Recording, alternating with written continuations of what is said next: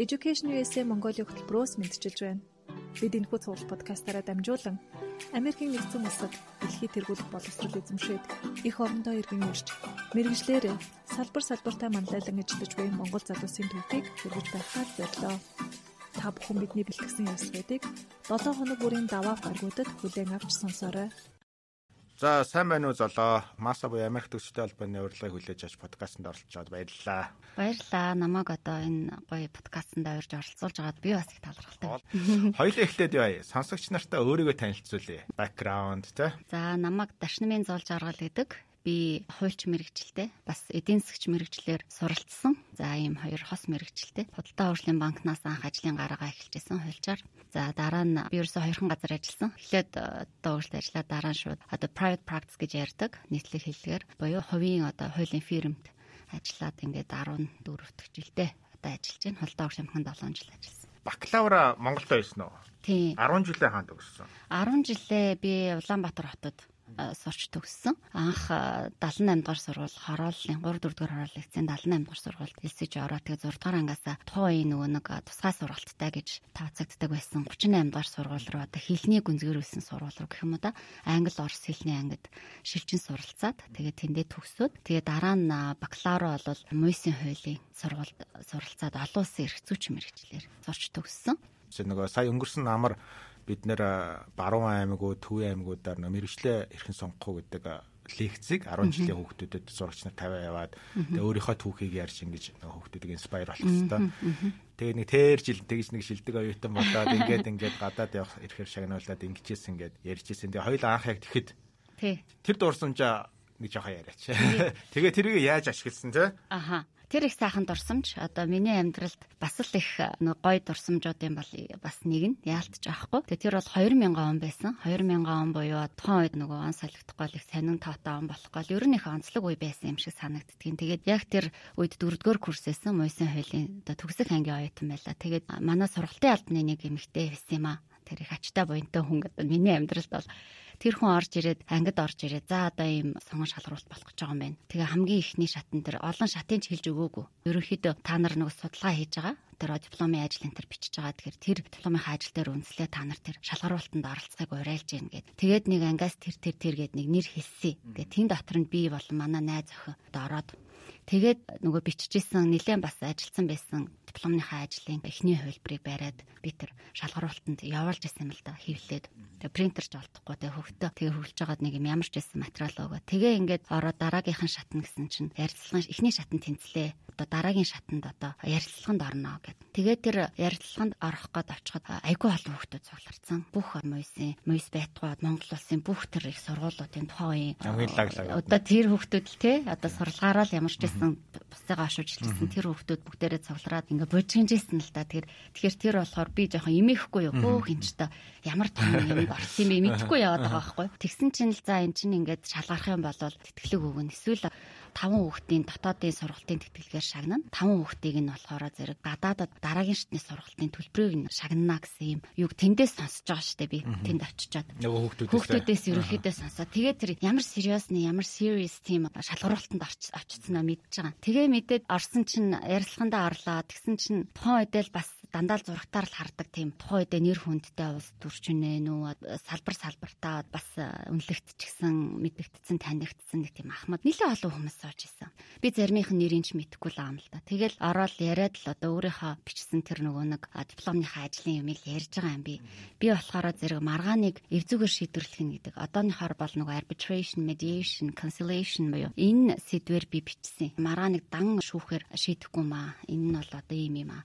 Арбитр болон энэ бусад аргаар шийдвэрлэх юм бол ийм ач холбогдолтой юм а гэж ингэж өөрөө бичсэн. Тэр юугаа тайлбарлаад яриа те тэрийг бас их гоё хүлээж авсан. Тэр сэдвүү нэг таалагдахгүй миний бичсэндээ ч биш би одоо тэгж боддоо ш. Тэгээд ягаад тэгэхээр тухайн үед бол хүн маргаан одоо хэрэг маргаан гарсан ба шүүхэл гэдэг ойлголт байсан түгээмэл. Тэгэхээр тухайн үед бол тэр сэдв маань өөрөө бас намайг их авч авсан юм шиг санагддаг. Дараа нь болохоор зэрэг хүүхдүүд чинь ээж автгаа энэ төр ирсэн мэс. Тэгээ би болохоор ганцаараа дахиж яваа тийм. Тэгэл за яах вэ ингээл ороод гараад ирлээ гэл орой аав гэж хоёртой хэлэл тэгсэн гэл аа за тийм үү. Тэгээ байжсэн чинь удалгүй хэд хоногийн дараагаас байдаг баха хэл над руу холбогдоод хэлдгийн. Тэгээд тэнцсэн дараагийнх нь бол хилний шалгалт авна. Тавлын хэмжээний шалгалт авна шүү гэж хэлсэн. Тэр нь надад их айтайхан санагдчихж байгаа. Яагаад тэгэхээр зэрэг би чинь нөгөө англи орс хэлний анги төгссөн. TOEFL-ийн 10 жилдээ би чинь TOEFL-ийн ном үзсэн хүүхд байхгүй юу? Тухайн үед бол. Тэгэхээр яг хөө миний даваа тал бол даваа тал болчихлоо шүү дээ. Тэгээд би шалгалтаа англи хэлнийхаа шалгалтыг өгөөд өөртөө ч ихтгэлтэй ч байсан. Тэгээд бас олимпиад энтерт орчихсан. Ороод явдаг үсэ хэлээрээ тийм байсан болохоор зэрэг гайгүй гэж өөрийгөө бодоо. Тэгээ ер нь бол тэнцээд тэгээд нөгөө таван гадаадад сурах эрхийн бичгээр шагналсан хүмүүсийн нэг болоод ганцаатайгаа адилхан. Тийм. Тэгээ ерөөхдөө тэтгэлгээ аваад эрхийн бичиг авч байгаа. Тэгээ эрхийн бичгээ болохоор зэрэг яаж тэр нь одоо тэтгэлэг болох юм мэдэхгүй л явж байгаа шүү дээ. Тэгээ ямар ч үсэн их сургуулаа төгслөө тэнд. Их сургуулаа төгсөөд төгсгөө алдаад би бас нөгөө аль биесээр тавилхан оног авах хэрэгтэй болоо. За би ч одоо нөгөө Америкийн оног батцсан. Багасаа ерөөсөө. Ягаад тийм сэтэл авах төрсөн? Ягаад Австрал биш? Ягаад Англи биш гэж? Манай 10 жилийн 38 дугаар сургуульд биднийг яг хэл үзэж хахад Монгол болон гадаад багш хавсарч ордог байсан байхгүй. Тэнд эхлээд нэг англи багш байсан Susan Bright гэдэг англи багш. Дараагийнхан жил нь ирсэн Denise Richards гэдэг нэг тийм эмэгтэй хоёр эмэгтэй юм багштай. Тэгээ хамгийн сүүлийнхаа жилд нь болохоор энэ хоёр ингэдэг нөгөө нэг тийм Америк бас эрэгтэй юм хоёр багштай. Тэгээд би ягаад ч юм ингээд англи руу ч сонирхож болохоор тийм байхад би ягаад ч юм надад Америк амар таалагдсан. Тэгээ тэн дээр би нэг дурсамжтай юм байдаг надад. Тэр нь манай тэр Denise Richards гэдэг тэр эмэгтэй багш юм. Халмаг хүстэй айгу тийм тухайн үедээ бол нөгөө бидний нүдэнд харагдаагүй өөр стилтэй эмэгтэйсэн байхгүй. Тэр нэг таалагддаг бид нарт. Тэгээд тэр надад хүн болгонд ингээд нэг аткрит бэлгэлсэн. За ингээд багш нь явлаа ингээд нэг жил сайхан байлаа энэ төр. Тэгээ баяртай гэж хэлэхдээ надад нэг юм юу өгсөн. Аткрит өгсөн. Тэр аткрит нь Калифорниа гэдэг чинь аткрит байхгүй юу. Тэгэл би Калифорниад явах хэвэл гээд ягаад ч юм жоохондоо тэгээ ботсон. Тэр одоо сэтэл бодол маань л намайг ерөөсөө ингээл нэг Америк руу л гээд хөтөлж гисэн юм аа. Тэгээд дээрэс нь энэ дээр бас нэмэгдээд би яг тэр 2000 он төгсөх тэр жил олон сайхан багштай. Тэр багш нарынхаа хүчээр л одоо хүн аягүй их амжилтанд хүрч явдаг. Тэрний бол тод жишээ бол тэр биел юм да. Тэгээд багш нар маань одоо намайг их дэмжиж ирсэн. Би тэгээд их сайхан сайхан хүмүүстэй учирсан. Тэгээд сайн заяа гэдэг одоо чимэд агш охин Монголын алдарт хуульчийн гэр бүлээс гаралтай юм эмэгтэй багш маань бол одоо Елийн хуулийн сургуульд сураад төгсч ирчгээд тэгээд э, манад тэр арбитрийн хичээл орсон юм аа. Тэгээд тэр арбитрийн хичээл орохынхаа хажуугаар бид нарт зөвхөн академик боловсрал олохоос гадна тийм мэдлэг олохоос гадна Америкт ерөн сурвал ингэдэг. Би ийм ийм ингэж ингэсэн. Тэ ийм боломжинд хүнд байдаг хуульч хүн бол тэр зүг рүү харах хэрэгтэй гэдэг юм ариу өөр үнцгийн имийг ярьж тэгээд тэр хүн болохоор зэрэг яг намайг нөгөө энэ шилдэг оюутан боллоо гэдгийг мэдээд надад их гоё баяр хүргээд тэгээд за золоо хамгийн шилдэг рүү нь явна шүү гэж хэлсэн байхгүй юу? Хамгийн шилдэг рүү явна гэж хэлээ. Тэгээд би тэр үед бас айгүй тийм шилдэг сургуульд явах хэрэгтэй гэдэг тэгээд надад бүр одоо хэлж өгсөн вебсайт байдаг байхгүй тухайд. Би бол нэг сайн мэдэхгүй байгаа штэ тухайд нэг Америк явнаа л гэдэг болохоос мэдэхгүй сууж байгаа хүн. Тэгэхэд надад хэлж байгаа. Usnews.com одоо ч гэсэн хэрэгтэй. Би бол энийг бүр хэлье гэж бодсон. usnews.com-оор ороод тэр сургуулиудын ranking харж болдог. Нэг tier 1 2 3 top гэдэг хамгийн ихнийх нь tier 1 top гэж явдаг хаа. Тэгээ мэрэгчлүүдээр нь жагсаацсан. Бүх мэдээлэл тэнд байгаа. Одоо ерөөсөн Америкт явах гэж байгаа хүн бол ерөөсөө тэр вебсайт л бол айгүй тийм мундаг source болж байгаа байхгүй. Тэрийг надад анх хэлж өгсөн багш маань сайн зэ багш маань байгаа юм. Тэгээ би тэр юу орвоо ороод амхандаа нөгөө хуульч учраас би хуулийн сургууль руу явах гэж хүсэж байгаа юм. Тэгээд ингээд ороод ицсэн чинь төлбөр нь айгүй өндөр. Тэгсэн чинь нөгөө бид олгосон тэтгэлэг маань нэг 16 илүү. Жилийн 16 мянган доллартай. 2 жил сураад 32 а тэгсэн мөртлөө би одоо жишээлбэл хуулийн сургуулийн магистр 1 жил авахгүй. Тэгэхээр би энэ хоёроо нийлүүлээд 1 жил авчлах гэсэн болохгүй гэсэн хариу өгсөн надаа. Төрийн сангаас. Төрийн сангаас. Тэгэхээр би ерөөсөө 16 мянган доллартай л хүн байхгүй. Хуулийн сургууль тухайн үед чинь 50 60 40 50 40 50 мянган доллар байсан санагдаж байна. Тэгээ би чинь бас томрон зүтгээд байгаа хүн шүү дээ. Тэгээ надад ерөөсөө би чадахгүй юм байна. Одоо надад тийм санхүүгийн хувьд боломжгүй юм байна. За тэгвэл бодит амьдралтайгаа нүүр тулъя те. Одоо би тэгвэл ямар боломж надад байгаа юм. Тэгээ би бодоод 2 жил ингэж хувааж авах хэрэгтэй энэ төр тэр нэр шалгуурыг бодолцоод. Тэгээ дээрэс нь би за ер нь эн чинь судлаад үтсэн чинь бас нэлээд хэцүү. Тэгээ би судалгаатаа бас яасан гэхээр би энэ Harvard, Yale, New York University, Columbia бүх сургуулийнх нь бай цахиа очиждаг байхгүй. Нөгөө нэг usnews.com-оор орж байгаа юуг нь олчихсан. Имэйл эдрийг нь олоод авц. Сургууль болгоны вебсайтыг нь олох. Тэгээд тэндээсээ нөгөө тэд нар лугаа бичгээр тэд нар боршуур явуулчихдаг байхгүй. Нөгөө танилцуулга гээд Монголоос гэхээр аягүй сонирхол нөгөө Монголоос гингээл тэр үед Монголоос олон оюутан хууль сурж байгаагүй. Юм шиг байгаа юм тэр сургуудуудад. Тэгээд ингээд айгүй олон боршуур ингээд авцсан. Тэр чинь одоо 2001 2002 оны үед болчиход байгаа байхгүй. Тэгээ би ингээд аваа сайхан мөрөөдөл одоо болтол манай аавын тэр маань балкон дээр ингээд миний юмнууд дотор байж байгаа байхгүй. Тэр үеийн танилцуулгад нь. Тэгээ тэр шалгуур энтер гэдэг ингээд бүх юмнууд нь байж байгаа. Тэгээ би хараад за санхүү дээрэл би ерөөсөө л ингээд байхгүй болчихсон. За тэгвэл ерөөсөө энэ боломжийг ашиглаж болох уу гингүүтэй. Тэгвэл би өөр мэрэгжил эзэмшиж би энийг заавал хуулиараа яваад. Заавал хуулиар байхаа албагүй те. Нөгөө талаасаа би энийг тэгвэл нэг өөр боломжаа. Тэгвэл би ямар мэрэгчлэр сурч болох вэ гэд бодсон. Би тухайд банкнд нөгөө их сургуулаа төгсөнгүүтээ банкнд ажилд орсон байхгүй бол тааврын банкнд. Тэгээд банкнд орсон чинь нөгөө банкируудтай ажиллахаар чинь эдийн засаг санхүүгийн мэдлэг эн чинь бас нэг шал өөр ертөнц байгаа байхгүй тийм ээ. Тэгэхээр би тэр надад аюул сонирхолтой санагдсан байхгүй. Тэгээ би бизнесийн сургууль apply-даад. Тэгэхээр би Colorado State University-гийн мишнийг авч байгаа. Тэгсэн чинь төлбөр минь бас жоохон өндөр болчихлоо. Тэгэж явж байгаад би тэр өөртөөхөө санхүү таарсан сургуулаа олсон маань нь Oklahoma City University гэдэг. Тэгээд энэ сургууль маань болохоор одоо Oklahoma мужид гэдэг Техасын хажууд байдаг юм одоо хүмүүс харуул газрын зураг дээр бууны хэлбэртэй гэж ярьдаг. Тэр мужид байхгүй? Яг юм төв хэсэг. Тэгээ байгаль цагуурын маш одоо онцгой нөхцөлтэй торнадо болдог. Ягаад тэгэхээр хойд талаас нөгөө ирж байгаа хүү хүтэн агаар одоо уртлын далаагаас ирж байгаа халуун агаар яг яг тэнд нөгөө нэг мөргөлддөг байхгүй. Тэгээ мөргөлдөөд тэнд нөгөө хуй салхи үүсдэг. Тэгээд тийм одоо онцлогтой тийм газар. Тэгээд тэр дээрэс нь ингээд төв хэсэг гэдэг хүүхдүүдээ ингээд том хотоос хүүхдүүдээ өсгөх гэж ингэж тайван амьдралыг хүсэж ирсэн том нүүдэл болдог тийм газар юм билээ л дээ. Тийм тайван амгалан хотын их шууганаас хол айлгая гэдэг юм. Тэгэхээр тийм онцлогтой нэг газар тгээс сураад би 2.5 жилийн программыг 2 жилийн хугацаанд дуусгаад. Тэгээд бүр MBA хийсэн. MBA хийхдээ би бүр finance хийсэн. Сүүлдээ бүр дотроо нөгөөх чинь мэрэгшээд. Мэрэгшээд тэгээ ямар мэрэгчлэр явах гэхээр хамгийн хүндийн сангаж байгаа өөртөө. Би өөрөө аюу чаленжилж байсан юм шиг байна. Тэгээ би тэр MBA in finance гэх тийм одоо мэрэгчлэр тухайд Америкууд нь өөрсдөө айгүйх бага авдаг. Тэр финансаар төгсөж байгаа хүмүүс их цөөхөн байдаг гэсэн. Тэгэхэд би айгүй зориглсон. Тэгээ яг онортой төгссөн. Тэгээд honor high honor гэж байдаг тий. Америкийн сургууль одоо манайх орвол одоо юу гэж орчуулах юм бэ? Улаан диплом. Тэгэхээр тийм ямар ч байсан тийм онортой тухай үедээ төгсөөд тэгээд банкнда банк маань нөгөө тухай үедээ гадны нэг хилцэл хийх гээд гадны байгууллагатай тухай. Тэгээ за ирэх хэрэгтэй энэ хурдан ирэх болж ирч чадах уу гэх би арай болоог байна нэг дахиад нэг хагасчил байна. 100 мөнгө хичээл мчээл аваад яаж хийж гаад ирэх боломж вэ нүг. Тэгээд би шахаж аваад тэгээд Монголдо би 2 жилийн ерөөхдөө дотор бүх юмаа дуусгаа 100 энтер навсараа. Тэгээд хурдан ирээд би шууд ажилд орж илаа.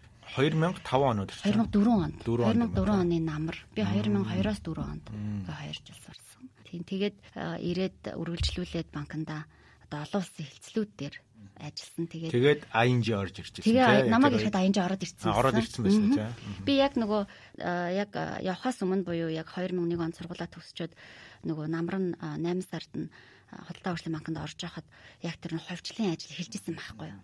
Худалдаа хөгжлийн банкны 76% нь илүү дээ төрийн өмч байсан. Тэгээд тэр 76% одоо нийт нийлттэй сонгон шалгаруулалтаар ингэж олон улсын тендер зарлж худалдаж байсан. Тэр ажиллагаанд бас би гар би бас тодорхой хэмжээгээр оролцсон. Тэр яаж оролцсон бэ гэхээр зэрэг тэр том багууд ирээд тендер тэр миний ойлгосноор намайг очоод баг зарлагдсан байсан юм шиг байгаамаа. Одоо санахад тэгээд яасан гэхээр нөгөө due diligence хийдэг тэрний нөгөө нэг ийм legal due diligence-ийг нь би одоо банкн дээр одоо тэрэн дээр ажилласан хүн байхгүй. Тэгээд тухайд ингээд нөгөө Шинков уулна. Тэгтээ бас нэг англи хэлээр нөгөө хэдтэйгээ харилцаж байна. Дээрээс нь яг нөгөө надад бол айгүй тийм азтай таарсан юм маань гэхээр би айгүй богино хугацаанд бас банкыг айгүй олон бизнесийн таниад мэдээд бүр ямар журам заавартай ямар хууль дүрмтэй дотроо яадгийн тий аль газрын даашаа ямар одоо асуудлыг хариуцсан гэдэг бол ингээд айгүй гой хурдан мэдээд авсан. Богино хугацаанд богино хугацаанд тэр бол айгүй гой тэр нөгөө ажлын хэсгийн би бол ажлын хэсэг тухайн тэр үед орж ажилласандаа бол бас их баярлалдаг. Тэгээ тэгээд нэг 2 жилийн хугацаанд явчаад ирсэн чинь ховчл болоод дуусаад ING банкныхан шинэ менежментийн багт нөгөө техник тусалцаагаар менежментийг хэрэгжүүлэх гэдэг. Тэр чинь нэг Швейцар энтертэй холбоотой Швейцар илүү нэг компани авсан байдаг юм а банк авсан байдаг санагдаж байна. Тэгээд ирээд АНЖ-ийн ерөөсөө яг бүх одоо бусад орнуудад яаж АНЖ ажилтдаг те тэр одоо систем рүү тэр банк шилжсэн шүү дээ худалдаа авшлын банк. Тэгэхээр тэр үед бид нар ядаж на бүх юм хоёр хэлээр явдаг тийм ээ. Одоо бүх бичиг баримтаа англи монгол хэлээр явдаг. Хурал маань хувьцаа эзэмшигтэй хурлыг хүртэл синхроны орчуулга хийгээд л явж илаа гихмчлийн ингээд аягүй тийм гой түүхтэй. Тэр анхны одоо Монгол улсаас олон улсад гарсан бондын санхүүжилтэн дээр бол бас одоо яг тэр компани дотроо банк дотроо бас ингээд ажиллаж исэн. Тэгээд намайг тэр яг хөө тэр дөнгөж буцаж одоо Америкаас ирэхэд тэр IFC, ADB одоо Азийн хөгжлийн банк олон улсын санхүүгийн корпорациуд одоо анх удаа Монголын банкнд хувьцаа эзэмших хэлбэрээр хөрөнгө оруулж одоо итгэл үзүүлж исэн тий. Тэгэхээр тэрэнд бол одоо бас тэр үед бас худалдаа хөгжлийн банкны зүгээс бол ажиллах юм завшаанд харж ирсэн. Тэгээ банкны алтан үеийн дээр. Яста алтан үеийг яриад байгаа шиг байна тий. Хоёулаа яг тэр банк хүртэл ерөөхдөө юу бас айгүй төстөөл явсан байна. Зүзээ гэх юм уу? Би болохоор яг нөгөө шилдэг оюутны тэтгэлгийн юугаа авчаад юу яасан. Хамгийн эхлээний choice сонголт Америк байсан. Бас ягаад ч нэ багын Hollywood кино мэн нөгөө NBA сакс макс амар нөлөөлсөн. Тэгээ би нөгөө их сургуулаас урилга авсан. Тэгээ юу юугүй явах гэжсэн чинь тэгээ яг мэдээж төлбөрийн зөрүү мөрөө гарч ирсэн чинь нээлдэг. Тэгэл ажил төрлийгээл болгоно гээл. Юу юугүй явах гэжсэн чинь нөгөө нь юу яасан шүү. 9 сарын 11 болоод хоёр өндөрийг нураагаад тэгсэн чинь жоохон тухгүй болоод тэгээд аав ээж бас намайг ятгаад заавал ийм одоо эрсдэлтэй эвгүй газар очиж яах гээд байгаа юм бай болооч. Явсан ч гэсэн битээ 50 байж чадахгүй нэ гэд. Тэгээд би нэг англи, австралиас судалчаад австрали явж ирсэн. Тэгээ австралид бас яг бизнес удирдлага хийж ирээд тэгээ худалдаа хөгжлийн банкнд бас яг орж ирсэн. Би 5 онд орж ирсэн санаж байна. Тэгээд яг олон банкудад шалгалт өгөөд бас аль альнаас нь санал аваад яг худалдаа хөгжиж сонгосон хэрэг яг ING нөлөөлсөн. Яг гадны англи манглаар ярьдаг те гадаад захирлуутай шинэ стандарт гэдэг нэгэд Яг чиний араас л ингээ яваад байсан гэж. Тэр бас их ста гоё үе те. Бид нар бас нөгөө гар нийлж аягүй олон гоё гоё шинэ бүтээгдэхүүн төслүүдээр ажиллаад тэр нь дандаа нэг журам заавар гарах хэвээр дараа нь тэн дээр нь би ажилдаг ч үлээ ингээл нэг бид хоёр бас аягүй их олон жил бас банкнд аягүй сайхан ажилласан. Тэгээд 9/11-ыг хэлсэн чинь надад бас нэг аягүй сайн дурсамж авч. Яг тэр үеэр тэг очсон уу те. Би бүр яг тэрний дараа очихгүй юу? Харин тий дараа ахгүй. Би тэгээд цуцлаад байж тийм байна. Би ингэсэн. Эхлээд нэг DC хавцааныг бас нэг тургуул бас сонирхгүй юу? Нэг судлаад байж ах үедээ. Тэгжсэн чинь 9/11 болоод тэгээд яг нөгөө CNN-ээр чинь бид нар чинь үзээд л байж лаа шүү дээ. Юу болчих вэ? Яач вэ? CNN ч гэсэн live мэдээ нэвтрүүлээд л тэгээ байжсэн чинь доогуур нь л нөгөө бичингээл гараад байдаг шүү дээ. Мэдээнүүд нь урсаад л. Тэгсэн чинь тэр мэдээн дээр яг нөгөө сонирхоод би ээж автгаа ярьжсэн нэг нэг коллеж байдаг байхгүй юу? Нөгөө эхний би төлбөрөөсөө болоод бас 3 2 жил жилөө коллеж сураад дээш юугаар явчих юм авчиг гэл янз бүрийн опшн удажсэн үе байхгүй. Тэгсэн чинь яг нөгөө сургууль нь манер гардаг юм да. Тэрнийг тэрийг хаалаа, энийг хаалаа гэдэл. Тэгээ манай ээж ярьж за одоо миний хөө одоо энэ жилд нөө одоо хэрэггүй. Тэгээ яг бас л нөгөө яг тэр нөлөөлч гисэн. Тэгээ дараа нь би Оклахомад очиод сурж явах үед нөгөө 9 сарын 11-ний хойно Америк аягүй чангарсан. Бүх хямараа чангарсан тийм үү. Тэгээ нөгөө хүмүүс нэг ажил хийж болдог байсан. Бүгд байхгүй болоо. За ерөөсөө бидний визийн нөхцөл маш их чангарсан гэж ярьж байгаа юм лээ. Би нөгөө урд нь эснийг мэдэхгүй болохоор зэрэг бусад оюутнуудаас сонсож байгаа юм л да. Тэгээд дээрэс нь би нэг тэр тэр үед чинь бас Ирактай дайлд байлдж исэн үе яахгүй. Ерөөсөө Америк бол дайнд орцсон байсан. Дайны нэг тал болоод ингээд маш хүндэс үе. Тэгээ байжсэн чинь нэг удаа би кампс дээр гар утас тэр үед би хэрэгэлдэхгүй байсан юм аа. Өрөөндөө дором дэдэг болсон болохоор өрөөний хувцаар ингэ. Тэгээд нэг юм Техас руу явчихгүй румейт хоёр румейт даа нилээ гуруула богоон цугаа яваа. За тэр үзчихэд ирээгээд спринг брейк таарахгүй юу. Тэгээ гуруула явчаад тэгээ ирсэн чи ээж бүр ийм ийм зөндөө ингээд залгаад утсанд нөгөө voice message үлдээгээд хойч нэг яг мессенжер гэдээсэн.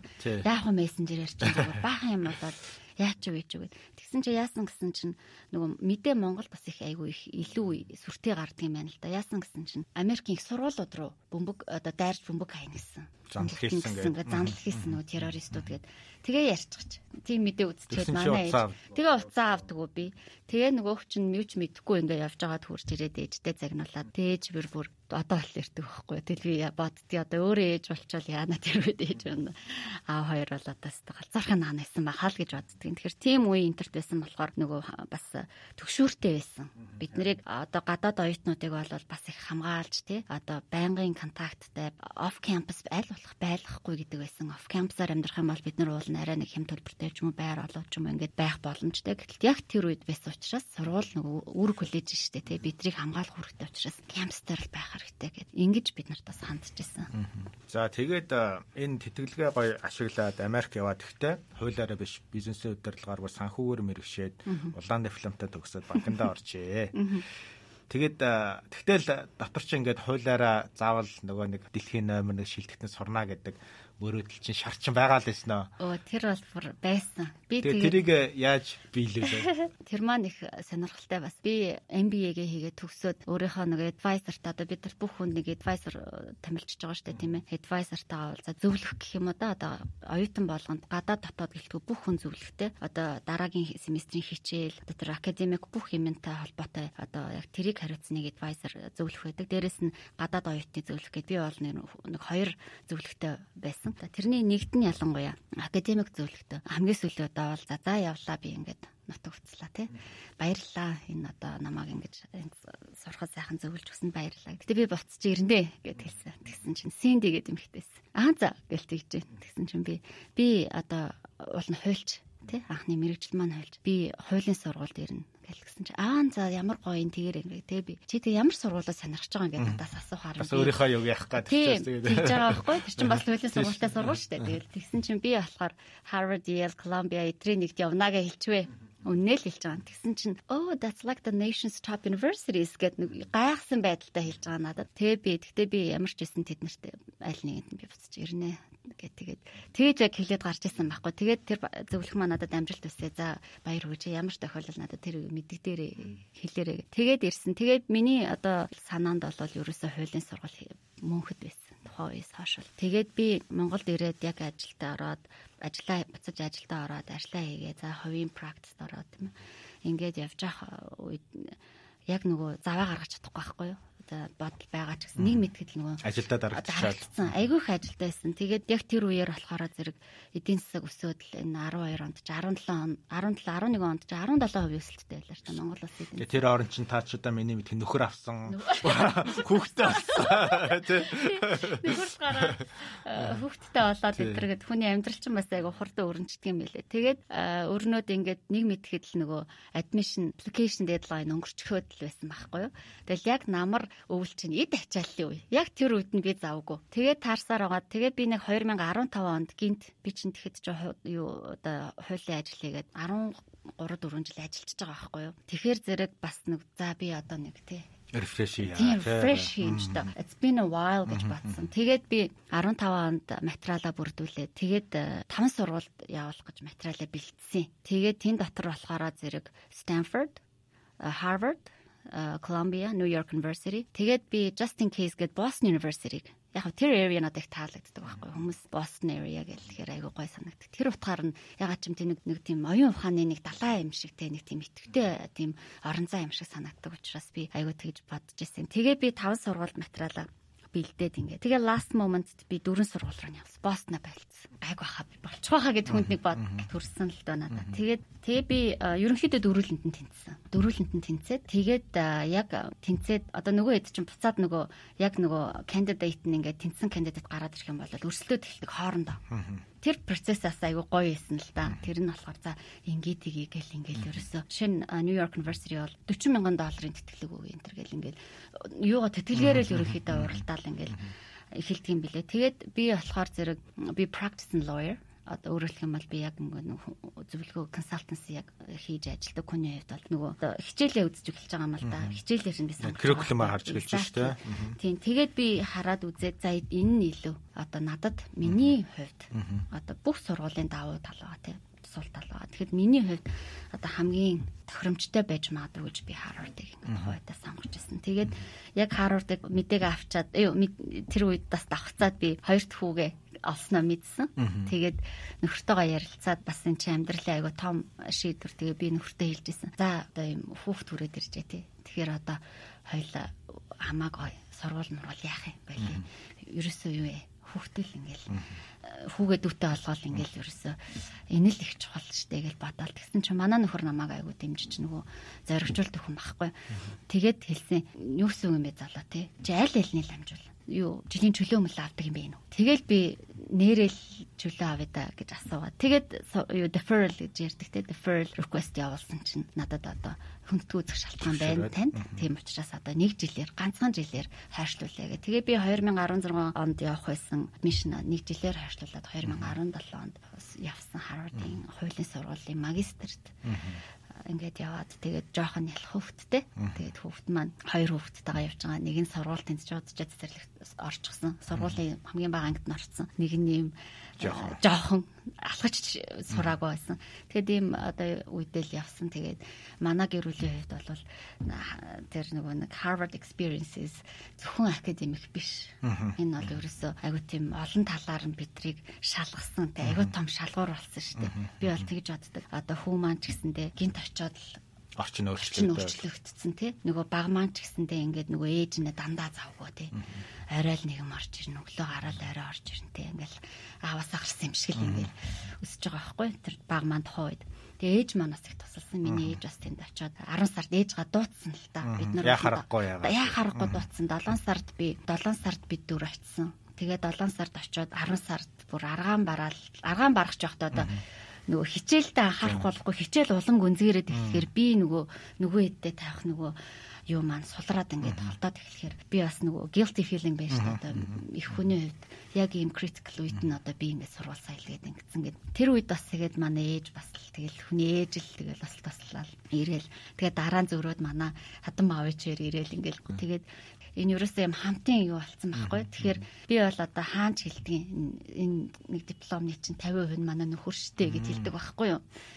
Тий. Тэгээд миний нөгөө анх ганцаарх навахта сурч исэн одоо нөгөө Oklahoma City University-д сурч исэн үе Harvard Law School сурч исэн үе хоёр бол ерөөсөө харьцуулшгүй.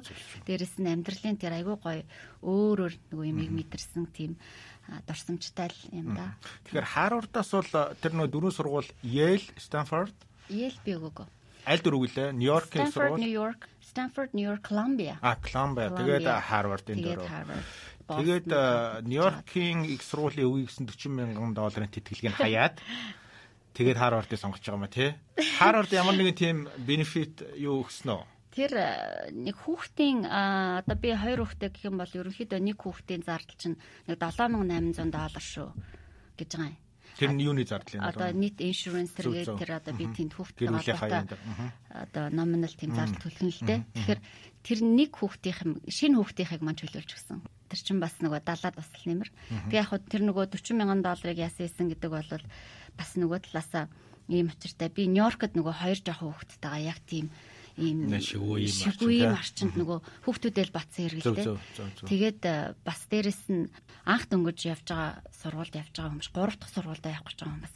За би одоо нэг ийм юм сурчмаар байна гэж бас нэг бодолтой болсон байх байсан үе юм шиг байна. Тэгэнгүүтээ би тэр хөтөлбөр л ерөөсөө надад таалагдчихсан байхгүй нөө сонголт тэр хичээл сонголт. Тэгээд дээрэс нь орж байгаа профессорууд тийм ээ. Тэгээд буцаагаад ингээд тэр одоо нийт дээд шүүхийн хит 9 шүүгч нь одоо Харвардын сургуулийн одоо төгсөгч нар байна гэдэг маань өөрөө Амар том нэр Тийм хүндтэй. айгуу том одоо тэр одоо value бас тэнд явж Мөнгөөр байгаа үнэлэхдэггүй, шүү дээ. тий? Мөнгөөр ерөөсөн үнэлэхгүй. Тэр мөнгө бол одоо би бол одоо тэр сонголтыг ихтэй ерөөсөн мөнгөөр үнэлэхгүй ээ гэж бодсон.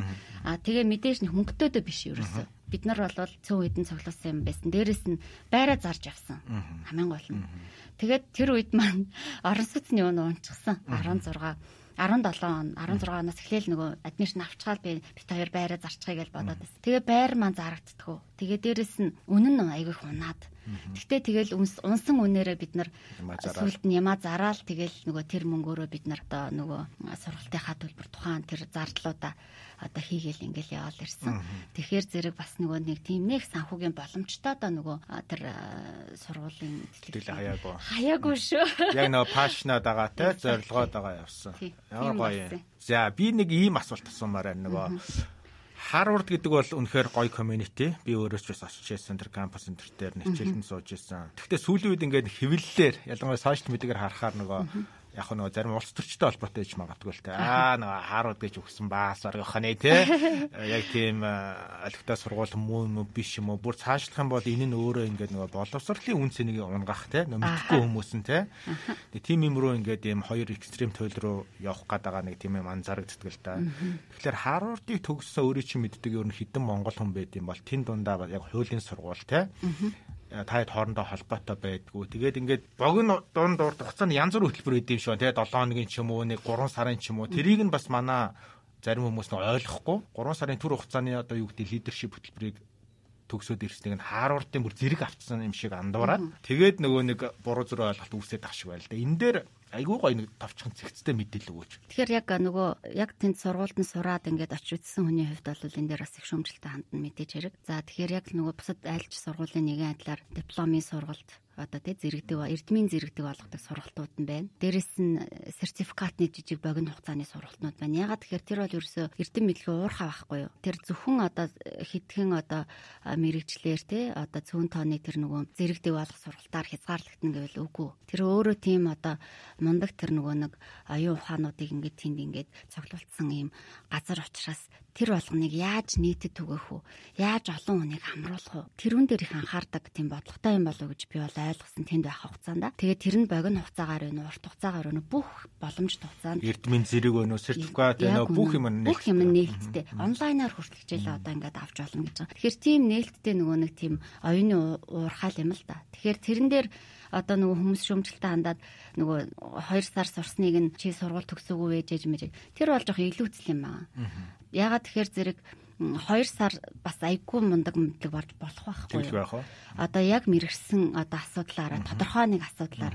Ягаад тэгэхээр бусад тэр нөгөө жишээлбэл одоо нэг ийм ялгаа гэдэг юм л да нөгөө хуулийн сургуулийн үед би аваад үзье тий. Хуулийн сургууль бол ерөнхийдөө Харвард дээр дипломын бол одоо өөрөлдмөл зэрэг дэвний гурван төрлийн үндсэн анги байгаа юм. Нэг нь болохоор JD гэж байгаа. Тэр нь болохоор хуулийн анхан анхны одоо боловсрал байхгүй юу? Хоёр дахь нь болохоор LLM буюу магистрийн боловсрал тийм ээ.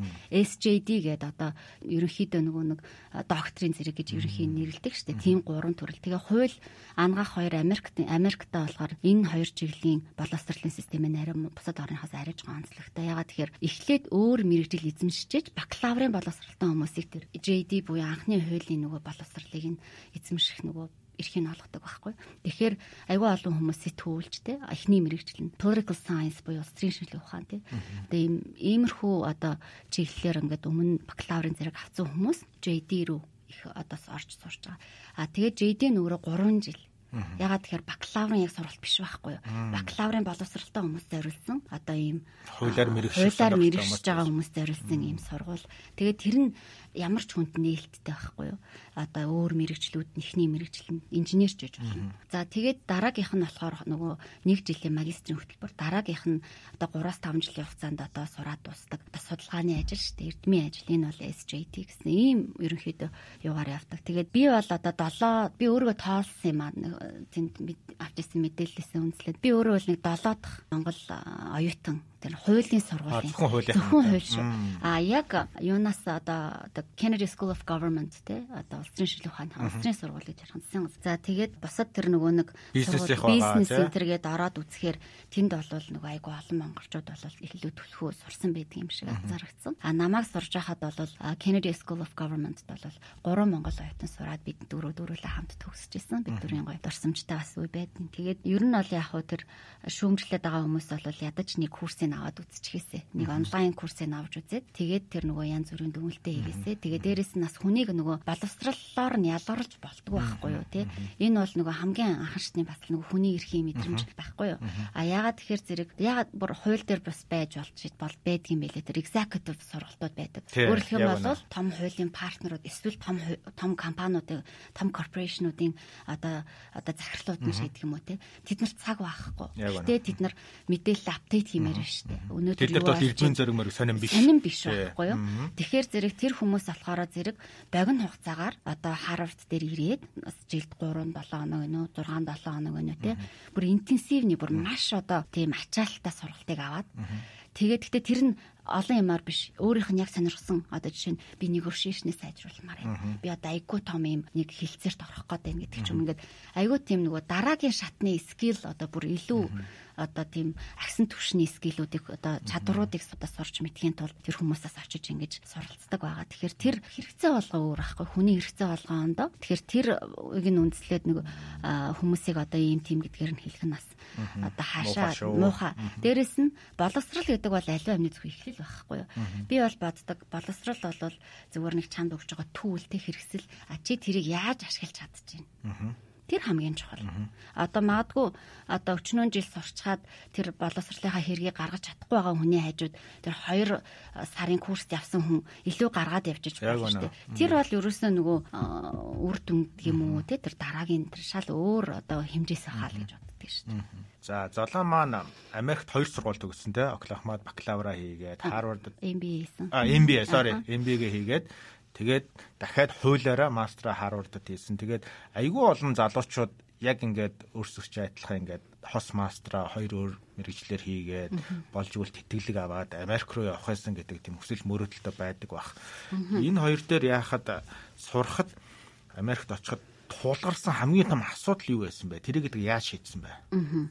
Тэр анх ялангуяа нөгөө 2002 онд намайг Америкт явхад би бол яалтчгүй culture shock-нд орсон. Тэгээд э, тэр бол нөгөө хүн өөрөө өөрийгөө айгу мэддгүйтэй холбоотой болоо гэж би бас бодсон байхгүй юу. Одоо ягаад тэгэхээр зэрэг хүн өөрийн чинь хэл хязгаар юу юм? Чиний чи яг юунд дуртай юм те? Яг юу хүсэж байгаа юм? Одоо чи энэний дараа яг юу гэвдэ хийнгээ ботсон тур сургууль гэдэг чинь бол айгу том commitment буюу том шийдвэр байхгүй юу. Тухайн энэ мэрэгчлэр сурч гэдэг юм уу те? Энэ сургууль зорч, энэ хотод би эндрээ. Тэгэхээр зэрэг өөрөө өөрийгөө нөгөө хүмүүс хүүхдүүд авих мэдчихэд мэдрээд тэгээд тэр өөрийнхөө сайн чанарыг одоо улам сайн болгох те одоо жоохон сул талаа талыг чинь илүү одоо болгох хэмжээний тиймэрхүү тийм орчин энтрийг бодож очивол их зүгээр юм шиг санагдсан надад. За яагаад тэгэхээр зэрэг соёлын болоод тэр академик гэдэг хоёр янзын шоконд бол өсөсөг Монгол дан Монголдо ингэ байж байгаа очиж байгаа хүмүүс бол ордог.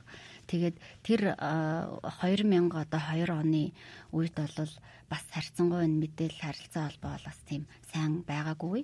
Тэгэхээр одоо бол хүмүүст би яагаад энэ өөрийгөө илүү таньж мэдэх гээд байгаа гэдг нь очих байгаа газраа ч юм уу сургуулаа сурах гэж байгаа програм сайн судал тэр боломж нь өнөөдөр байгаа байхгүй. А хэлний асуудал бол одоо нэг сонирн биш болсон гэж би байна. Стандарт болчихлоо шүү дээ. Хүн болгоно л дээ. Яг үнэ. Тэгэхээр хэл бол одоо хэл дээрэс нэг нөгөө нэг IT те одоо тийм мэдээллийн технологийн бас жоохон мэдээл мэдлэгтэй чадвартай ингээд байх хоёр бол одоо given байхгүй одоо тийм чи угаасаа л тийм байх хэвээр. Одоо нэг гадаад ч байгаа Америкт ч байгаа төгс зөвлөгөө гэсэн чинь англи хэлээ сайжруулах гэдэг нэг өвөл болохоор цас ордог гэдэг шиг тий. Айгуу тийм ингийн. Тэгэхээр тэр бол одоо нөгөө нэг тийм юу биш болчоод байна л да important биш болсон. Тэгэхээр миний бодлоор бол хүн илүү өөрийгөө сайн мэдээд юу хүсэж байгаагаа сайн мэдээд зарчмаа ингээд бодцоод очих юм бол тэндээс одоо авах одоо юу чинь илүү байх юм болоо да. Тэр далаагаас шүүрэх одоо тий. Тэр шүүрс сувт чинь оновчтой байх юм болоо. Гоё зорилгоо эхнээсээ айгүй зөв тодорхойл гэж ш тэрнээс ш боломж хайж явах ш тий зорилгоо. Одоо жишээ нь би айгүй олон хүмүүстэй таарч байсан л да. Тэн дээр Америкт байж байхдаа тэгэхээр ингээд айгуус гоё боловсрол эзэмшнэ гэж мөрөөдж ирэнгүүтээ тэнд очиод ингээд за би ажил хийчих эхлээд мөнгө олчих гээд ингээд нөгөө сонирн болоод ингээд тэндээ ан хаппи те? Тийм биш байгаасаа яг тийм байхаг үгүйсэхгүй хүний амьдрал янз бүр тэр одоо бодит амьдрал тэр. Гэхдээ хүн нөгөө өөрөө өөрийгөө эндээсээ л явахтаа л маш сайн мэдэрч явах хэрэгтэй л явах хэрэгтэй л гэж би бодоод та. Хамгийн сайхан дурсамж нь юу байсан Америк? Одоо хүртэл мартагддаг өө. Аха. Хамгийн сайхан дурсамж би нөгөө Оклахомад сургуулаа төгсөхдөө аав ээжгээд graduation дээр авчирч чадаагүй байхгүй юу. Тэгээ би тэнтэй айгүй хэмзэлдэг байхгүй юу. Айгүй харамсдаг. Надад үнэхээр яг боломж байгаагүй байхгүй. Тэгээд одоо дараа нь би юу гэсэн хэрэг яаж ээж байгаа л мөнгө төр зэлэж болтгоо ингээл нэг аав ээжгээ аваад аачаад ингээд нэг зөвлөсөн байсан бол гээд магадгүй бас нөгөө дараа нь ахаа сургууль сурах гэдэг чинь би бас аав ээж аав ээж л одоо ерөөсөө юу юм байна штэ? Ингээд нөгөө хамгийн чухалтай миний хоёр хүн байгаа байхгүй. Тэгэхээр тэгээ би дараа нь сая Америкт Harvard дээр би бүр зориод тэгээд нөгөө ээж маань хүүхдийг маань харах гэж харсан байсан. Тэгээд аавыгаа би бүр ингээд яаж яж байгааг ингээд аваачаа. Тэгээ манай эмэгтэйдээ бас энэ Америкт сургууль сурч таарад. Тэгээ бүр манай эмэгтэйдээ өрөө бүгдээрээ ирсэн. Тэгээ яг бүгдээрээ ирээд тэгээд их гоё тийм том нөгөө манай хадмын талынхан ч гэсэн тэнд бас нэг өөр нэг оюутан төгсөөд манай тэнд бас л ингээл боосонд ч бас айгүй олон хүн сууларсан. Тэг яг тэрнээс бодоод би нөгөө тэр надад айгүй их гой санагдсан. Зад би ямар мессежийг ингээд ер нь одоо өгмөр байна вэ залуу хүмүүст гэж бодоход за Харвардд сурна гэдэг юм уу одоо тий янз бүрийн сургууль сурна гэдэг бол хүн одоо миний юу биш ээ. Сураал дусаал ингээл би нэг ажил хийгээл ингээ явчихж байгаа юм биш ээ. Энэ бол нөгөө би айгүй олон хамаатантай тий одоо яг ойрын гэхэд зөндөө л хамаатангууд байдаг. Тэгээ би ингээд нөгөө эн чинь бол холын юм биш шүү. Та нар мөрөөдөө зарж чадах юм бол хүрч чадна шүү гэдэг би одоо гол нь өөрөөрөө илэрхийлэхийг хүсэж байгаа. Тэгээ би хүүхдээ ч гэсэндээ тийм манай хүүхд бол одоо тэнд жоохон бахта очиод үзсэн. Harvard гэдэг бол нэг тийм холын юм бол манай хүүхд одоо бишгэд ойлгоод өсчихөж байгаа байхгүй. Тэгэнгүүт чинь одоо тэр хүмүүст л одоо тийм inspiration өгөх нь одоо бидний generation бас дараа дараагийнхаа тий залуучуудаас өгөх айгуу гой тийм уран зориг тий. Тэгээ дээрэс нь бидний одоо өнөөдрийн өнөөдөр бол өчигдөр маргааш хоёрын гүүр штэ Тэгэхээр зэрэг тэр гүүр нь л одоо бат бөх гүүр байхын төлөө ямар ч хүн одоо өнөөдрийнхөө амьдралыг ч юм уу ингээл юу яаж ах хэвээр хамт ингээд дандаа давхар бодож ах хэвээр юм болоо түнээс нэг зөвхөн золж аруул гэдэг юм уу санчрын гэр бүл гэдгээр хязгаарлахгүй болов уу гэж би боддог. Тэгээд тэр утгаараа залуучуудыг болохоор зэрэг тэр нөгөө хамгийн дээд юм руугаа л мөрөөд те. За за би тэгж чадахгүй юм чинь би энэ рүү ингэчи гэдэг бол бас нөгөө нэг хангалттай биш үл гэж би хэцүүлэх гээд байгаа тэр л те. Тэгээд одоо нөгөө нэг залуучуудыг одоо манай нөгөө 2018 оны тэгээд төгсөлтөн дээр тэр яг тэр JD оюутан одоо нөгөө оюутнуудаа төлөөлөд үгэлдэг шүү дээ. Сургууль болгоны graduation дээр. Тэгээд Harvard-ын бас яг нөгөө бас нэг онцлог нь болохоор зэрэг айгуу тийм онцгой онцгой хүмүүсийг бас уурж ингэж одоо гоё үг хэлүүлдэг. Тэгээд тэр 18 оны нэг тэр олон тэр мундаг хүмүүсээс нь илүү надад тэр JD-гийн оюутны нөгөө хэлсүүг надад бүр айгүй айтанд орсон байхгүй. Тэр нь яг бидний бүгднгийнх нь хэлэх гээд байгаа санаа хилцсэн байхгүй. Тэр болохоор зэрэг э, би бүр энд ингээд яваад аадарсан тэр юу гэж хэлсэн бэ гэхээр зэрэг keeping our options open гэдэг бол одоо манай үеийнхний одоо гол definition одоо биднийг юу тодорхойлж байгаа гэсэн чинь common юм keeping our options open юм. Гэхдээ тэр маань болохгүй байх гэж байгаа. Одоо бид нэр ерөөсөө infinite browsing хийдэг тийм муудтай амьдардаг болсон гинэ. Одоо за өнөөдөр энэ болохгүй би маргааш тэр ажилд орчихно. Би нэг үзээтэй энэ фирм нь ямар энэ дараагийн фирмд нь орчих гээл ингээл тэр browsing mode ерөөсөө зурагт үзээд Суугаас ажиллаж. Суугаас солио суугаад идэг гэн 20 минут нэг юм дээр яадгүй. Хизээч яадгүй. Тэгэхээр энэ маань өөр одооны одоо манай үеийг тодорхойлж байгаа харамсалтай нь тодорхойлт нь болцсон юм байна. Манай залуучууд бүгдээрээ бид бид нар ч гэсэн тий бүгдээрээ юм браузинг модд байдаг гинэ. Үргэлжийн мөнхийн. Наа чи бас айхтар хэлсэн байсан. Айхтар хэлсэн. Тэгтээ энэ маань штэ те болохгүй маа гэдэг талаас нь хэлж байгаа. Одоо болио. Одоо болио. Ягаад тэгэхээр зэрэг ерөөсөө нөгөө loyalty гэж юм алга. Commitment тууштай байх те. Байхгүй болсон байна. Тэгэхээр тэр чин альва юм тууштай байхгүй бол үр дүн гарахгүй. Хүссэн үр дүндээ чи хүрэхэд асар хэцүү гэдэг имийг энэ залуу айгуу гой хэлсэн байхгүй те. Би хүмүүсийг бас тэр 2018 graduation commencement Harvard гэдэг ингээд орох юм бол энэ залуугийн бүтэн юуг нь бас уншаарай гэж би бас энэ залуучуудад энэ сонсож байгаа подкаст сонсож байгаа сайтн дээр байгаа юу те? байж байгаа. YouTube дээр зүгээр ингээд гараад ирнэ. яаж чайсан гарч ирнэ. Тэгэхээр энийг бас ингээд сонсоод тэгээд бүх хүн тийм бол тэрнээс онцлогоо байх хэрэгтэй байхгүй юу те? Тэрнээс онцгой байж иж одоо нөгөө амжилтанд хүрнэ гэдэг юм уу? Юу хүсэж байгаа зорилготой одоо хүрэх нь илүү ойрхон байж магадгүй. Тэгэхээр зэрэг тэр одоо нөгөө soft skill гэж яриад байгаа шүү дээ тийм ээ. Тэгээд бас яг хөө нэг зүйлд одоо ингээд сургуульд очиж сурж явах үед бол бол сонсч ирсэн нэг юм за нөгөө AI гэж нэг айхтар гарч ирлээ. Одоо хиймэл оюун ухаан. Бүр ингээ гарч ном гарчихсан байна тэнд. Saskind гэд аав хүү хоёр Saskind гэж байдаг байхгүй. Тэгээ тэр хоёр болохоор ингээд олон жилийн нөгөө нэг disruptive innovation гэдэг талаар одоо ном бичдэг, судалгаа хийдэг юм хоёр хүн. Тэгээ тэр хоёр хүний бичсэн нэг ном байгаа. Тэгээ тэр номон дээр жишээлбэл legal profession гэдэг миний сонгосон хичээл дээр үзэж байгаа юм л та. Тэгээ тэн дээр хамгийн түрүүнд нөгөө нэг robot те одоо нэг химэл оюун ухаанаар орлогдох боломжтой мэрэгчлүүд гэдэг байж байгаа. Хөлчгээд айгүй дээгүүр явж байгаа байхгүй? Маш дээгүүр явж байгаа тийм ээ. Тэгээд тэгэнгүүт одоо тэгвэл одоо яах юм бэ? Бид нар одоо яах юм тий? Гэт ингээд тэн дээр бас ихтэй бет болоод одоо. Тэгээд тэр юун дээр болохоор зэрэг ерөөсөө хүн бол soft skill-эл хойч хөгжүүлэх мэн гэдэг тийм одоо зөвлөмжийг л манай сургуулиуд өгсөн багш нар. А тэр soft skill гэдэг бол хүнлэг чанаруудаа л одоо илүү болгол гэсэн үг шүү дээ. Хүнлэг чанар хүнээс л гарах чанар байхгүй юу? Тийм empathy тийм үү тий? Хамгийн одоо тодорхой хүмүүст ойлгочхоор нэг үг бол нэг чадвар бол тэр шүү дээ. Empathy буюу одоо монголоор юм бол нөгөө хүний оронд өөрийгөө тавиад үзчих тийм ээ. Аа тэгэхээр тэр мэр одоо чадварууд дээрэс нь сонсох чадварч гэдэг юм уу те. Ингээд нөгөө хилцээр хийх communication skill бол number 1 гэж байгаа байхгүй тэр soft skill дотор. Тэгэхээр энэ чадваруудаа одоо сайн хөгжүүлсэн ийм чадвар нь мундаг хүмүүс л хуульчдвал энэ одоо AI-аас AI-ийн ирэн үед бол ингээд амьд үлднэ. Ажилтгаа үлднэ. Хоолтой байна л гэж хэлэх гээд байгаа байхгүй. Тэгэхээр ийм сонирхолтой бас нөгөө нэг талаас нь одоо буцаад хүн рүүгээ одоо нэг хэсэг чинь бол айгүй өөр явлаа шүү тийм ээ. Тэр буцаад хүн рүү болсон байна. Тэгээ би бас нэг сонин observation бас үйл үед хийгээд байгаа. Тэр болохоор зэрэг бид нар одоо би яг өнөөдөр ингээд хуулийн дүн шинжилгээ гэл ингээд legal due diligence гэдэг ажил гэдэг таскыг одоо таск гэх юм уу да. Тим ажлыг их төлхөө хийдэг хүнэлтэй манай фирм. Тэгэхээр зэрэг тэр яаж гинөө гэхээр зэрэг юуг илүү хардаг болсон бэ гэхээр ESG их чухал болсон. За ESG хуулийн хуулийн асуудал муу юм уу биш юм уу одоо ESG гэхийг одоо юу гэх юм environment, social and governance responsibility гэж орчуулж байгаа шүү дээ. Наад нас ч болж хөрөнгө оруулах уугүй юу гэдгээ шийддэг болчиход шүү дээ. Яг үнэ. Тэгэхээр одоо нөгөө миний 2004 онд одоо бизнесийн сурвалж төгсөж байгаа үед бизнесийн зорилго юу вэ гэл нэг typical асуулт байлаа. Тэрэн дээр болохоор юу гэж хариулж номон дээр юу гэж ütсэн байсан бэ textbook-ын дээр Америкт гэхээр зэрэг maximize shareholders value гэдэг юм байсан байна. Өөрөөр хэлбэл хувьцаа эзэмшигчийн одоо хувьцааны үнийг л өсгөх хэрэгтэй. Өөрөөр хэлбэл тэр хувьцаа маш одоо нөгөө том баялагийг л одоо илэрхийлж авах хэрэгтэй гэсэн санаа явж байна тийм ээ.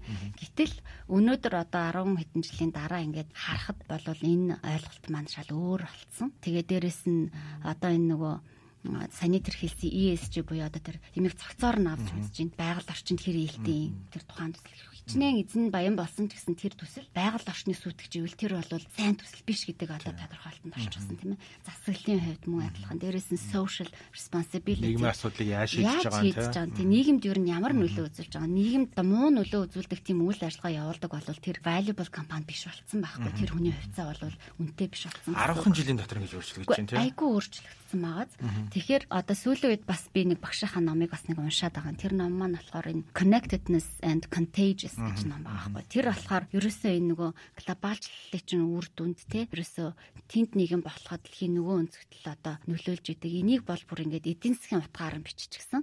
Санхүүгийн одоо үндслэлээр нь ингээд бичсэн ном байгаа байхгүй. Тэгээ энэ тэр багш маань болохоор тэр Брет нөгөөдийн хэлцээрт хүртэл орж исэн Америкийг төлөөлж тийм одоо багш байхгүй. Тэгээ тэр хамгийн сүүлийн жил багшилж байхад нь би жишээлбэл International Finance гэдэг хичээл аваад ингээд тэр хүн одоо хуулийн сурвалж багшлагаа Харвардын хуулийн сурвалж багшлагаа болоод тэтгэвртэй гарч исэн. Тэгэхээр тэрнийхс нь яг өмнөх нь ингээд жилт нэнтер сууж исэн. Тэгээд тэгэхээр энэ нөгөө ерөөсөө энэ нөгөө нийгэм бүх юм ингээд хөгжил гэдэг бол арай өөр агуулгаар хэмжигддэг болсон. Компани зорилгоч гэдэг юм уу те.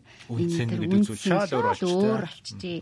Тэгэхээр зэрэг нөгөө мессеж нь болохоор би энийг бас юу хэлэх гээд нэхэр хүн байнга өөрийгөө апдейт хийж явах хэрэгтэй мэдлэг боловсрлоо юм уу. Тэр нь заавалжгүй гэхдээ ийм сургуульд очиж сураад гэсэн ерөөсөө үг биш. Зүгээр л нөгөө ном сайн унш те. Мэдээлэл одоо бүх боломжит байдлаар мэдээлэл сайхан аваад тэгээд зэгцтэй тэрийг өөрийн болгох те. Энэ ингэж хэллээ тэр тэгж хэллээ гэдэг одоо тэр бол одоо шуураад ажиллахгүй. байхгүй тэг ялваа амин дээр өөрийн бодолтой байх хэрэгтэй гэдэг ч юм. Тиймэрхүү ийм зүгээр энэ нөгөө подкастыг ашиглаад санаанд орж байгаа юм аа хэлээ л гэж бодлоо тийм сая ярианд нэг манай фирм гээд дурдлаа. Би нөгөө яг одоо юу хийж байгаа нэр асуухаа мартцсан байна шүү дээ. Хин санаачлаад ямар зэрэг гараад одоо тухайн үед ч совын юм эхлэнэ гэдэг чинь бас л залууны хувьд бол бас том даваа байсан шүү дээ тий. Юунаас болж яаж тэм зориг гарав? Одоо хэр явж байна бэ? Баярлалаа. Тийм. Тэгэхээр худалдаа урагшны банкнд 7 жил ажилласан. Тэгээ яг хаад энэ дундуур нэг ихний сургуультай яваад ирсэн байдаг. Тэгээд би тэндээс юм хаанаас яг инспирэшн авсан гэхээр зэрэг би яг тэр худалдаа урагшны банктай л бас холбоотой. Худалдаа урагшны банкнд ажиллаж байх үед Clifford Chance-тай одоо ажилласан байхгүй манайх бондон дээр. Тэгээ би тэр хуульч нартай айгу тийм гой бонд үсгэсэн. Би локал одоо одоо банкны хуульч аа тэд нар маань болохоор зэрэг яг манай банкнд одоо зөвлөж исэн ийм баг байсан байхгүй. Тэгээд тэдний хувьд ч Монголчийн зах зээл байла. Аа би ч бас их тэд нартай их гой нөгөө тэднээс суралцаж их гой надад таалагдаж ажиллаад тэгээ ер нь ямар гой сайхан байдаг юм бэ? Яг яг мэрэгжлийн яг консалтант бас арай өөр юм байна шүү гэдэг ойлголт төрсэн байхгүй. Тэгээ би банкуудын саналыг ингээд сонсож байгаа тэр тухайн үеийн тэр банкнд ажиллавал хөдөлთა өршлөл ажлын гэдэг шийдвэрийг гаргаад би ерөөсө консалтанси юм байна гэдэг л тийм л Тэгээд шууд хувийнхаа компани байгууллаа. Би яг шууд байгуулаагүй. Би байгуулсан байсан компани дээр орж ажилласан. Тэгээд байгуулсан байсан компани дээр орж ажиллаад тэр үед бас Америк партнер энтертэй байсан. Гадаадын хөрөнгө оруулалттай партнер ХХК байсан байхгүй юу? Тухайн үед хуулийн фирм маань. Тэгээд явцын дунд нөгөө хэд маань ямар нэг шалтгаанаар бүгд гараа явцсан. Тэгээ би ганцаахнаа үлдсэн. 2011 онд би амар олон том клиенттай. Том том клиенттай бас зоригтой. Одоо отгох бас Тэгээ ганц партнер. Тэгээд нэг хідэн нөгөө надтай хамтраж ажиллаж байсан ассоциат төлч нар маань. Тэгээ тэд нар маань бас намайг бас их сайхан түшиж хэдүүлээ бас гар нийлж гоё ажиллаад ажлын ард гараад тэгээд бас гой том төслүүд ч орж ирсэн Монголд. Яг эдийн засаг нэг оюу толгон гэрээ зургацын дараагаар нэг бүүм ерөнхийдөө болсон шүү дээ. Тэр үеэр одоо бүр нөгөө яаж хүн ажил авах вэ гэж боддог байтал чинь яаж энийг одоо үгүй гэж хэлнэ л гэж боддог. Тийм байлаа. Тийм ачаалтай. Тийм ачааллаар айгүй их. Тэгээ 2009 онд Mobicom BlackBerry үйлчлэгийг нэвтрүүлээ. За тэгээ миний амьдрал ороогоор ирсэн. Тэр шинжэнгөө нэг уцаа хараа тийм ээ. Тэгээд нөгөө Английн цагаар ажил, Нью-Йоркийн цагаар ажил ингээд тэр ерөөсөө миний амьдралын хэв маяг байсан. Тэгэхээр тухайн үед бас айгүй тийм сайхан ажиллаа. Тэр маань одоо payoff болж идэг. Айгүй тийм туршлага хоримтлуулах тийм боломжийг одоо энэ хугацаанд бас хүчээсэн юм шиг санагдсан. Тэр аюу хэцүү үе байсан. Аюу тийм айгүй их ажилдаг байсан ерөөсөн. А хоёр шил амар биш биш. Ёстой амар биш. Тэгээ дээрэс нь хажуугаар нь хүмүүсээ түрээсээ төлнө тийм ээ. Түрээсээ төлнө. Татвар төлнө. Яг үнэн. Тэгэхээр тэрэнд маань бас нөгөө бизнесийн удирдлагаар сурч исэн явдал маань одоо бас надад айгүй тийм. Яг тийм биш тийм. Ерөөсөө төлөв залцсан байхгүй. Надад одоо бодит амьдрал дээр би хэл хэрэгжилээ шүү дээ. Тэгээд тэр хууль эдийн засаг бол надад бас тийм. Тэгээ дээрэс нь бас яг би дандаа commercial дийлүүдээр ажилладаг ажиллаж ирсэн. Тэрэнд одоо жишээлбэл янз бүрийн зээлийн гэрээ санхүүжилтийн гэрээ ч гэх юм уу тухайн тэр бизнес план энэ төр уншихад бол бас ядаж балансараад ядаж ойлгочих.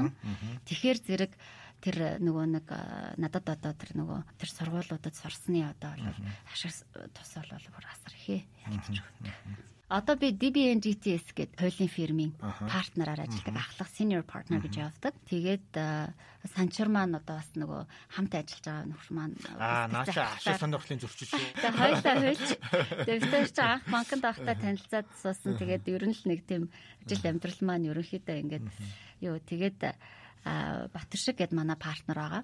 Тэгээ ингээд бид гурав гурлаа ерөнхийдөө удирдаад энэ фирмээ аваад явж байна.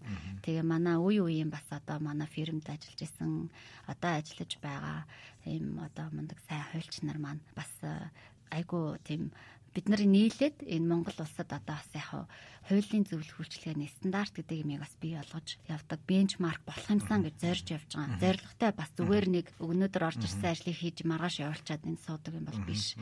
Одоо мөрөөдөл маань бол юм систем үүсгэх, систем, систематик одоо тийм. Тэгээд дандаа заавалчгүй гадных байж ээж те. Одоо юу гэдгийг хамгийн сайн гэдэг юм тийм юунаас бас айгу яг өөр л өөрсдөө л одоо локал. Гэхдээ бид нар бас хэмжээндээ одоо бас тийм ээ стандартыг бий болгочих юмсан гэж зарж авдаг. 10 хэдэн жил болчихоо одоо тийм 14 жил 14 жил болчихлоо тийм. Нэрээ санчирт минь төргээрээ ачаа. Төрүүн та яран дээр хэлээ одоо хоёлын цаг бас төгсөж явах шиг байна. Нөгөө би нэг сүүлийн нэг хоёр асуултаа асуугаад нөгөө хүнийг боловсрлоор нь ялах ёсгүй гэж түрүү хэлсэн тийм. Тэрнтэй адилхан би бас нэг 2 3 жилийн өмнө Америкт явж явах тэр ялангуяа хөгжлийн бэрхшээлтэй иргэдийг одоо inclusive society гэж ярьдаг. Тэгээ ядаж бид нар болохоор нөгөө нэг юм налуу зам мам гэдгээр нь ойлгоод байдаг. Тинчээч юм бол те тэр зүгээр наазхан юу байхгүй те яг нийгмийн яг нэг эдис болгож ингэж хүртээмжтэй дид бүтцийг бий болгодог гэдэг утгаараа тэгээ айгүй том бас одоо би бас сургамж авч хувийнхаа зүгээс ингээд айгүй биширсэн л дээ. Тэгээ Монголд ирэхээр ингээ харамсалтай нь ингээд бүр харь гарах шиг ингээ байгаад идэг. Энэ системийг та ялангуяа хуульч хүний хувьд те яг энэ бүр системээр нь ингээд өөрчлөхийн тулд бид нар яг юу юу хийх ёстой вэ? Яагаад одоо бид ингэ өөрчлөгдөж чадахгүй байгаа юм бол? Тэр одоо би сая ялангуяа сүлд Харвард зэр сурж байхад би бол одоо нэг жишээлбэл тэр тэгш боломж гэдэг юмыг бүр ингээл харлаа л да. Тэгээ бүр баттаар харлаа. Ямар ч хараагүй хоёр хүн сурж байна. Харвард. Харвардд хуулийн сургууль сурж байна. JD хийж байна. Өө зөө. Тэгээд нэг нь нохотойгоо ирдэг. А нөгөөх нь болохоор roommate нь ингээд бас хуйлч хуулийн сургуулийн оюутан хойлоо ингээд явж идэг. За тэгээд тэд нар ч бол ердөөсөө мондөг тэр нөгөө нэг вокалистууд ахгүй одоо тий? Одоо тэгш ирхий тий? Дээрэс нь одоо нөгөө бид нар та нартай яг адилхан шүү дээ. Та нар би бас сурмаар байна. Ягаад над боломж олохгүй байна? Одоо Америк өөрөө яг хүний эрхийн тал дээр бас их онцлогтой орн тийм ээ. Америкийн түүх гэдэг бол ерөөсөө тэр хүний эрхийн зөрчил дээрээ л үндэслэн одоо тэр үндсэн хуулийн тэр нь ч гэсэндээ ингээд нөгөө нэг үе үед ингээд баг багаар нөгөөхөө сайжруулаад ингээл бас түүнээс анханасаа тийм өнөөдөр шиг байгааг өнөөдөр ч гэсэн асуудалтай ингээл байж байгаа байхгүй. Гэхдээ тэр анхан шатны тэр нөгөө хүн болгон тэгш хэрэгтэй боловсрох хэрэгтэй гэдэг тэр би бас их санаа зовж явдаг.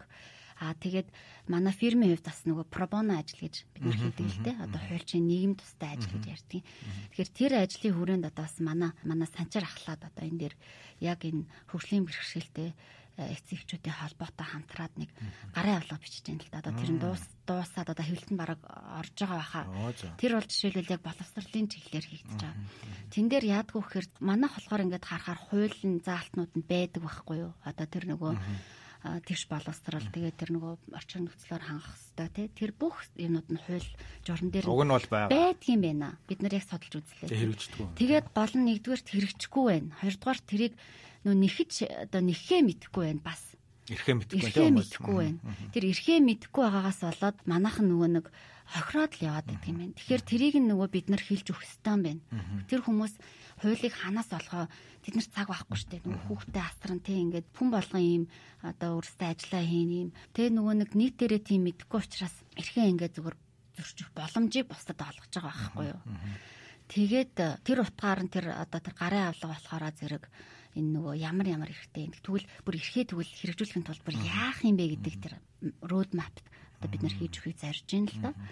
Тэгэд эхний юм учраас одоо бас нөгөө ямар болох нь тийм ээ. Тэгээд дараа дараа нь бас нөгөө яг бодит амьдрал дээр тулгардаг асуудлуудыг бас бид нар шийдэхийн тулд бас хамтарч ингээд энэ бол бидний нөгөө нөгөө нийгэмд одоо гүйцэтгэх хүн болгоны үүрэг байхгүй. Тэгээ ерөөсөө энэ хөгжлийн бэрхшээлтэй гэж яриад байгаа янз бүрээр ингээ хэлээд байгаа тэр одоо юу ч нь бол зүгээр бид нийгмийн нэг хэсэг л байхгүй да. Тэрийг л одоо хүлээн зөвшөөрөөд бүх юмыг ингээд нэг яахгүй ингээ нэг ялварлах боломжийг л энэ төр засаг олгоод тийм ээ. Энэ нь өөрөө нөгөө засаж болдгоо, хилчж болдгоо, хилсэн ч тоож авдггүй ингээд нэг тийм хачин байдалд орчоол байгаа юм байлээ. Хэмнээ эрхийн хямралал гэж бараг бүзэхэр байхгүй. Тэгэхээр тэрийг сайжруулж яж энэ rule of law байдаг нөгөө хуулийн засаглал гэд нэг юмыг л одоо бид нар бий болгоно энэ улс оронд ол гэж үзчихлээвэл тэр хүн болгоно ч гэсэн адилхан хэрэгтэй гэдэг юмыг л маш сайн л таахал хэрэгтэй. Одоо яг наад яриад байгаа хүсээд байгаа хэрэгжүүлэх гэсэн гэдэг юм а юм чин хэрэгжүүлээ наатаа хий хуулийн засалтай болоо. Тий болгоо. Улс төр дор бол орох уу Амар хапетик л насуусан. Тийм тийм. Гэтэ наадах чинь аюу бас анхудаа сонсож байгаа биш ээ. Яг уу нөгөө улс төр угаасаа нөгөө улс төрийн хичээл бас үзчихэл байла нөгөө мөсөн хойлд оюутан багтаа тэгээд тэр нэг үгээд шүү дээ түн болгол хэлдэг. Чи улс төрөөр оролдохгүй бол улс төр чамаар оролдоно гэдэг хэлэхгүй. Тэгэхээр яг уу ямар ч байсан гэсэн нөгөө нэг яг ингэн орно орохгүй гэж хэлэхэд болоо хэцүү. Тэгвэл бид нар нөгөө хуулийн сургуулийн одоо оюутнууд ялангуяа ингээд төгсөж явах үед нь хариуцлага мэрэгжлийн дагаад хариуцлага ирдэг мэрэгжил байхгүй юу. Одоо яг бүх мэрэгжил адилхан тухайн дээр мэрэгсэн байдлаараа тий. Гэтэ хуулийн юунд бид нар одоо яг нэг хуулийн засаглалтай юм нийгмийн одоо энэ зохион байгуулалтыг одоо ингэж байгаа энэ э, инструмент ч хөл шүү дээ тийм ээ. Тэгэхээр тэр одоо илүү үр нөлөөтэй, илүү зөв тэгш байлгахын тулд бол нөгөө тэр шийдвэр гаргах төвшөнд ямар нэг байдлаар бол н орох ёстой юм шиг байгаа юм. Тэгээд орохгүй ээжж наан энэ буруу юм зөрүү юм гэж хэлчих нь бас одоо учир дутагдaltaй гэж ахаа үздэг хүн ихтэй. Аа тэгтээ яг өнөөдрийн байдлаар бол яг тийм нөгөө яаж орох вэ гэдэг чинь бас айгүй тийм одоо Монголд бол айгүй тийм тодорхой биш юм шиг эсвэл бүр тодорхой юм шиг. Одоо тийм нэмэх нь эмхтэй хүний хувьд бас аюу тум барьер бас байдаг бах тий. Тэгэхээр яг хаа цаг нь ирээд юм уу эсвэл одоо яг ийм commitment би өөрөө гаргаж чадаад хүний хувьд хүсэл desire байгаад ингэх юм бол maybe. Улс төрд орохоор шийдвэр гаргуулнаад хэлээр хоёул синдикат ток хийнэ. За яа дараа телевиз. За юу Маса гэдэг Америк төгсөгчтэй холбоо гэж байдаг.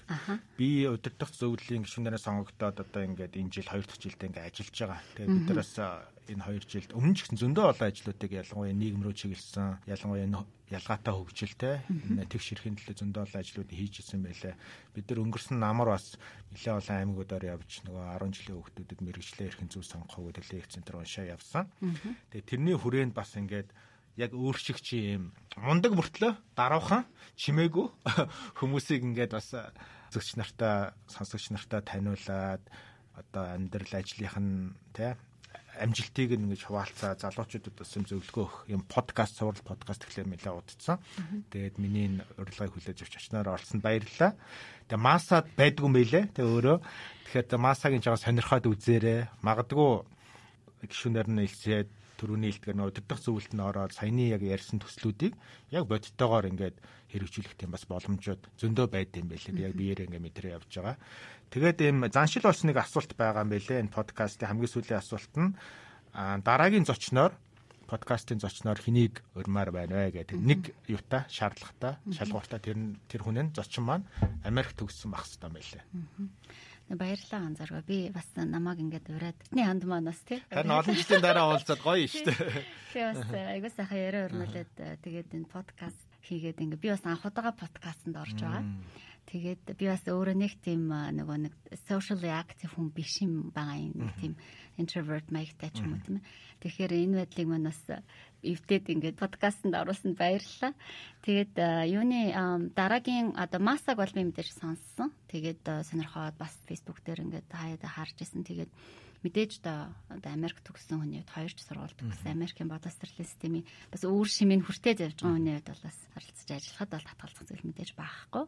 Дараагийн харин подкастын зочноор ойрхоныг би одоо өөрийнхөө фирмийн нэг охиныг одоо хуйлж байгаа би бас нэрлэмээр байна. Сувд гээд охин би. Та маань болохоор зэрэг Монгол Улсын их сургуулийн хуулийн сургуулийг төгсөөд Индианагийн хуулийн сургуулийг магистр хийж төгсөө. Тэгээд Нью-Йоркийн баарын шалгалтанд тэнцчихсэн. Тэгээ одоо яг нөгөө хоёр адмишнтай. Тэгээд яг одоо саяхан одоо бас ингээд айл айлны намжуулаад ингээд ирсэн бас манай одоо мундаг боловсрчин манай мундаг одоо баялаг байгаа юм. Тэгээд би совтагаа бас яриулъя гэж ирж байна. Байна. Аа гэж бодож байна. За баярлалаа золоод. Тэгээ ажилд нь улам хүн дээр амжилтыг хүсье. Баярлалаа. За амжилт. За баярлалаа. Америкийн нэгдсэн улсын засгийн газраас санхүүжүүлдэг Education USA Mongolia хөтөлбөрийн хэрэгжүүлэгчээр Монгол дахь Америк төгсөгчдийн холбоо ажиллаж байна. Та Америкт ихтэй сургуульд хэрхэн суралцах тухай цогц үнэн зөв мэдээллийг үн төлбөргүй авахыг хүсвэл Education USA Mongolia хөтөлбөрийн боловсролын зөвлөгөөдөд хандаарай. Бидэнтэй холбогдохыг хүсвэл www.masa.org-ийн цахим хуудасаар хандж болохоос гадна Facebook, Twitter, Instagram дээр Education USA Mongolia дагаарай. Ирэх даваа гарагт иргэн уулзлаа түр баяртай.